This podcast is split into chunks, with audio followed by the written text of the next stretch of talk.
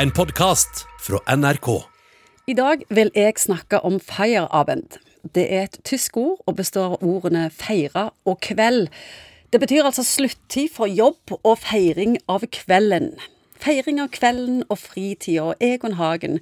Hvorfor tror du tyskerne er så opptatt av Feierabend? Jeg har ikke hørt ordet før. Det, det er jo et ganske sivilingeniørstyrt samfunn. med Ordning må si når de er pliktoppfyllende, når de bygger verdens beste biler og verdens beste veier. og Det er vanvittig mye bra som skjer i Tyskland, rent sånn industrielt. så kanskje de, Når de er så flinke og pliktoppfyllende, så klart at mange vil jo sikkert også sette ekstra stor pris på egentlig det å ha fri kvelden. Så effektive, intense og formelle som kanskje har drevet dette litt fram? Ja, kanskje det. Og så kan du se litt på japanerne òg. Altså, de er ganske festlige, de òg. Når de er ferdig med forretningsmøter og går ut på kveldene og synger karaoke. Droltedritas. Og, ja, dritas og, sant, og og griner og styrer på. Så det er jo mange som kan bli litt sjokkert i hvor, hvor, kontrastfylt en del av disse veldig formelle samfunnene er. På en eller annen måte så må det være noen sikringer hvor du slipper det ut. Vi begynner jo å ta litt etter andre kulturer. Vi leser jo mail kveld og natt, og det er sosiale medier, så det er hjemmekontor. Det er vanskelig å skille mellom jobb og fritid. Jeg tror at denne pandemien som har vært igjennom, jeg tror det gradvis kommer til å øke folks ønske om å ha større grad av fleksibilitet. Og dette er nedenifra oppdrevne ting.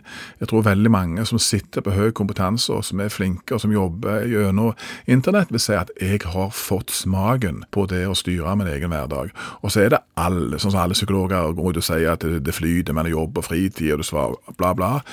Det der er for så vidt gyldige ting, men jeg tror at veldig mange av disse ressurssterke, flinke folk har alle forutsetninger for å finne og løse det òg.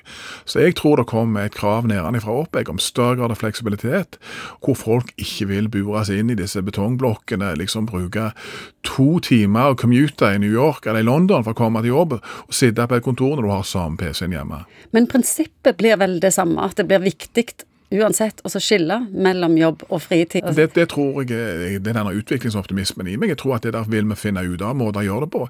Det vil være en utfordring for det til lederroller og kontrollaspekt det. Hvis du primært er leder fordi at du liker å kontrollere folk mer enn å utvikle folk og ta imot gode resultater, så er det klart at dette vil bli en ganske tøff overgang.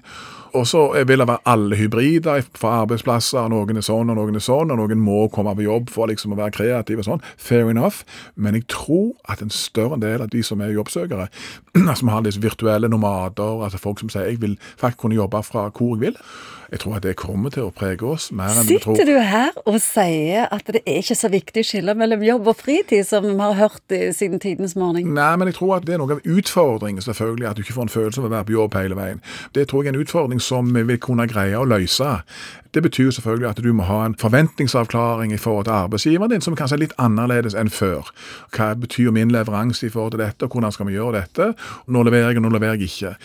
Ja, jeg, tror det kommer til å drive fram noen forandringer jeg, som ingen vet hvordan dette kommer til å bli, men jeg tror at arbeidsliv vil bli forandra dette, faktisk.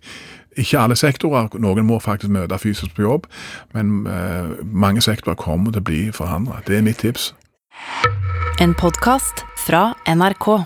De nyeste episodene hører du først i appen NRK Radio.